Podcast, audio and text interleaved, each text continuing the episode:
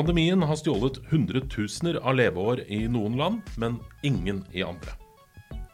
Drivstoff laget av luft kan snart fylles på tanken i langdistansefly. Og det kan være lurt å lukke lokket før du trekker ned når du besøker et offentlig toalett. Dette er Forskningspodden i november. Jeg heter Anne Synnevåg, og med meg som vanlig redaksjonssjef i forskning.no, Bjørnar Kjensli.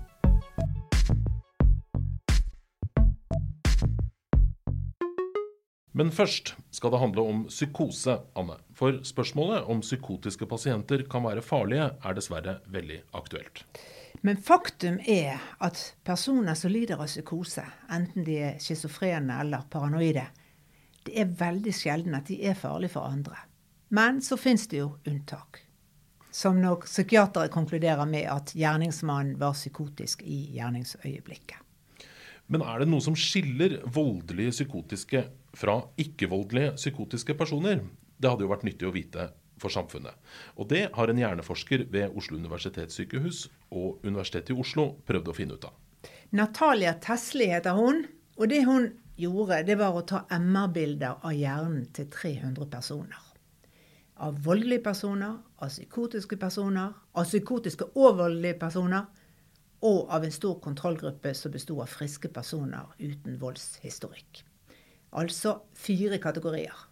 Den ene gruppa besto av 20 personer som sitter på forvaring fordi de regnes som særlig farlige lovbrytere. Men de er ikke psykotiske. Gruppe to er også voldelige, men også psykotiske. 28 personer som bor på sikkerhetsavdelinger. Mens tredje gruppe er 58 personer som er psykotiske, men som ikke har noen voldshistorikk. Og det har heller ikke kontrollgruppen på oppunder 200 friske personer. Så spørsmålet Natalia Tesli stilte seg, var da kan bilder av hjernen avsløre noe unormalt hos de personene som er voldelige? Og hva med personer som er psykotiske? Hun studerte den hvite substansen i hjernen, og den kan du sammenligne med et kabelnettverk som knytter hjernehalvdelene sammen, og formidler kontakt mellom deler av hjernen som bearbeider informasjon og tankevirksomhet, og den som bearbeider følelser. Dette hvite kabelnettet betyr derfor mye for hvordan vi oppfører oss. Og det Tesli ser, er at de som er voldelige, enten de er psykotiske eller ikke, har anatomiske avvik i denne hvite substansen, som tyder på at de har svekket forbindelse mellom hjernehalvdelene. Denne svekkelsen finner hun altså både hos de forvaringsdømte som ikke er psykotiske, og hos de voldelige psykotiske som bor på sikkerhetsavdelinger.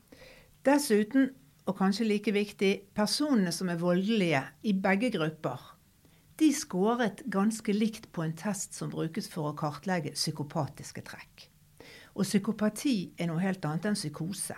Psykose er kjennetegnet ved forvirring og sviktende virkelighetsoppfatning, som å høre stemmer eller føle seg forfulgt, mens det karakteristiske ved psykopati er at personen mangler empati, ikke føler anger og er følelseskald. Og mens psykose er en sykdom som man kan bli frisk fra, så er psykopatiske trekk en stabil personlighetsforstyrrelse. Og Tesli fant altså at psykopatiske trekk gikk hånd i hånd med en svekket forbindelse mellom hjernehalvdelene. Og hennes funn tyder da på at de som er både psykotiske og voldelige, de har også psykopatiske trekk. Ja, og det er kjernen her. Men så understreker Natalia Tesli noe viktig. At dette gjelder på gruppenivå ikke individnivå. Hun finner altså forskjeller og likheter mellom gruppene, men ikke nødvendigvis mellom alle enkeltindividene. Og Det betyr at man ikke kan ta et MR-bilde av hjernen til en person og så si noe sikkert om denne personens voldelige tilbøyeligheter, sier hun. Studien er også for liten til å trekke de store konklusjonene. Det må mer forskning til også her. Men Natalia Tesli er ikke den første som har funnet at hjernen til lovbrytere med grov voldshistorikk har mangler og ikke bare i den hvite substansen. Britiske, svenske og amerikanske forskere har funnet at andre deler av hjernen som er viktig for å forstå frykt og andre menneskers følelser, og for å føle deg flau eller angre, disse områdene i hjernen er også mindre utviklet eller skadet hos grove voldsforbrytere. Ja, men det som jeg da lurer på, er kan man ta et bilde av en hjerne og se om en person kan bli farlig? Det hadde jo vært fantastisk. Ja og veldig nyttig. Men til det spørsmålet så svarer Tesli at hjerneskanning, sammen med andre kartleggingsverktøyer, som psykopatitesten f.eks., er best egnet til å forutsi om en psykotisk person har lav risiko for å være voldelig. Det er verre å forutsi om en psykotisk person har høy risiko for å begå en alvorlig forbrytelse. Dessverre. Det trengs en god del mer kunnskap om dette før vi er der.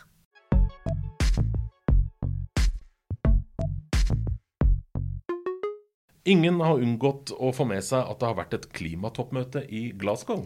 For statslederne skyr jo ikke rampelyset. Vi kan jo ikke unngå å få med oss at de er der.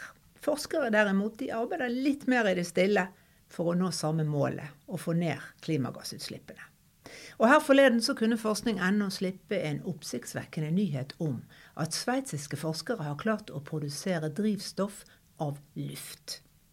Det er helt utrolig hva luft og kjærlighet til faget kan avstedkomme, Bjarne. Ja, for hør her. I lufta så fins det CO2, og det fins fuktighet. Altså vann. H2O. Så dette testanlegget, som er bygget på taket av en høyskole i Zürich, trekker CO2 og H2O direkte ut av lufta. Og så bruker de solenergi til å splitte molekylene. Og da dannes det det som heter en syntesegass, som er en blanding av hydrogen og karbonmonoksid, altså CO. Og denne syntesegassen lages så om til parafin, eller til metanol eller andre, andre sånne hydrokarboner. Og i dette tilfellet er det parafin da, eh, som er mest aktuelt, for parafin det kan nemlig brukes som drivstoff i fly. Og ingenting er vel bedre enn å få ned utslipp fra flytrafikken, så vi kan reise med bedre samvittighet. Og redusere CO2-utslippene. For parafin laget på denne måten, av luft og solenergi, den vil nemlig være klimanøytral. For når den brennes, så slipper den ut igjen akkurat samme mengde CO2 som blei fanga fra lufta. Men atmosfæren tilføres ikke noe mer CO2 enn det som var der fra før av. Genialt. Mm. Og nå har forskerteamet på høyskoletaket i Zürich jobbet med dette solraffineriet, det er det de kaller det, et mini-solraffineri, i to år. Og de sier i en pressemelding at de har demonstrert at dette er teknisk mulig. De har fått til en stabil produksjon utendørs under skiftende værforhold. Men det må jo være en hake ved dette, ellers er det jo nesten for godt til å være sant. Ja, selvfølgelig. Og den viktigste innvendingen det er at det koster veldig mye energi å omgjøre CO2 og vann til drivstoff. Men den gode nyheten er at et sånt anlegg, som vil ta mye plass, kan plasseres i en ørken der det er mye sol, og der det ikke går på så stor bekostning av naturmangfoldet. Og hvis man får kostnadene ned, er det aktuelt å bruke denne syntetiske parafinen i langdistansefly. For å bruke batterier i langdistansefly, det går dårlig. De veier rett og slett for mye. Og skal du drive fly med hydrogen eller med brenselcelleteknologi, så må det tegnes helt nye fly fra bunnen av. For selv om disse drivstoffene er lettere enn batterier, så trenger de stor plass. Og det tar tid. Det snakkes om at hydrogenfly kan være i luften fra midten av 2030-tallet tidligst. Ja, og Forskning på syntetisk drivstoff, eller e-fuel som det også kalles, det er i støt om dagen. Her hjemme eksempel, så har selskapet Norsk e-fuel planer om å sette i drift et sånt anlegg på Herøya allerede i 2023. Det skal i første omgang fange CO2 fra industriutslipp, men etter hvert så er planen å gå over til å fange CO2 rett fra lufta. Og så får de kanskje drahjelp fra EU. For der ligger nå et forslag inne om en opptrappingsplan for det som de kaller bærekraftig flydrivstoff. Og fordi syntetisk drivstoff koster tidobbelt i dag, så er tanken å begynne i det små, sånn at industrien får et insentiv til å investere i mer forskning, og at det blir fart på produksjonen. Og så skal kvoten økes etter hvert. Mer konkret så innebærer det forslaget at det blir krav om at 2% av drivstoff i fly skal være bærekraftig fra 2025. Og så gradvis økes til 63% i 2050. Av dette så vil mesteparten være biodrivstoff i starten. Men i 2050 så skal nesten halvparten av det bærekraftige flydrivstoffet være syntetisk. Hvis denne planen settes ut i livet.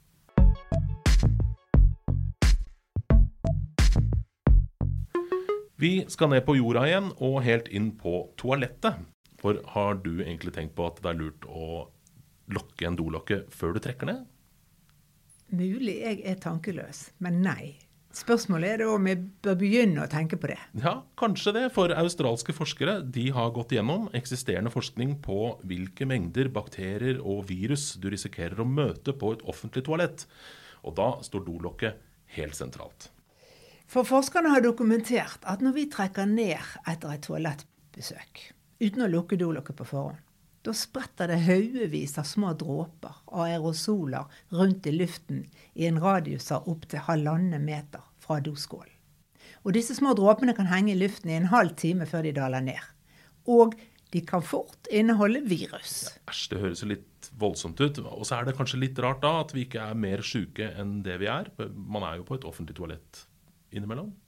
Ja, for forskere som har gått gjennom nesten 40 ulike studier av mulig smittespredning på offentlige toaletter i 13 land, de kan fortelle at offentlige toaletter er fulle av bakterier og virus.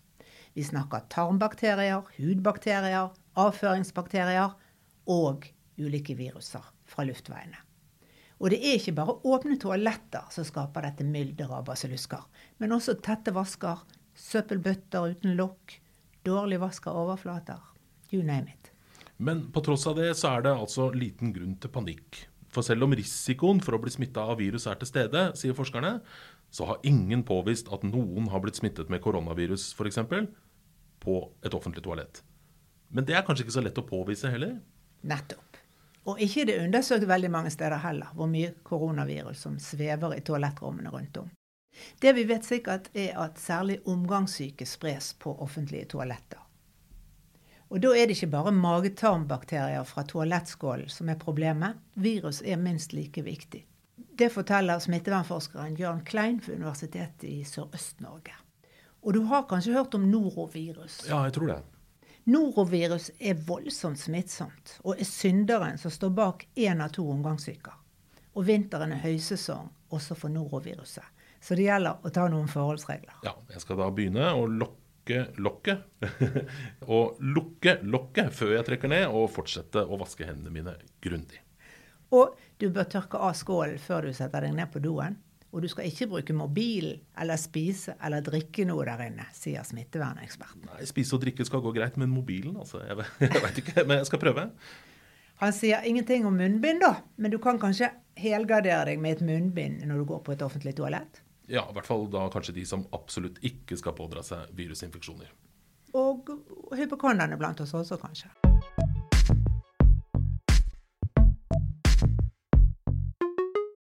Vi kommer ikke unna en koronanyhet i denne utgaven av Forskningspodden heller. Det er jo så mange forskere som forsker på pandemien og på pandemiens konsekvenser, ikke minst.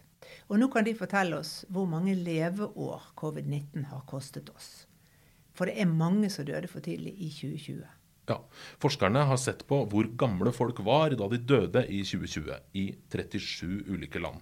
Og Så har de lagt sammen da antall tapte leveår i rike land og kommet fram til det svimlende tallet 28 millioner tapte leveår i 2020. Altså bare i de rike landene i verden. Ja, for de fattige landene hadde de ikke nok tallmateriale til å gjøre dette, til å inkludere de. Mm. Og Bulgaria topper listen. Tett fulgt av Russland, Litauen og USA. Og hvis du lurer på hvorfor f.eks. Spania ikke er med på toppen her Tidligere så har vi jo hørt at det var flere dødsfall i Spania enn i USA per innbygger. Og det stemmer. Men forklaringen er at denne gangen har ikke forskerne telt antall døde, men antall tapte leveår. Og der er en viktig forskjell. Hvis du dør som 50-åring, så mister du mange flere leveår enn om du dør som 80-åring. Ja, og Det betyr da at mange flere yngre mennesker har dødd av covid-19 i land som USA og Russland enn i Vest-Europa. I Spania så var de aller fleste som døde, gamle. I den andre enden så skiller Norge seg ut, sammen med Danmark, Island, New Zealand, Sør-Korea og Taiwan.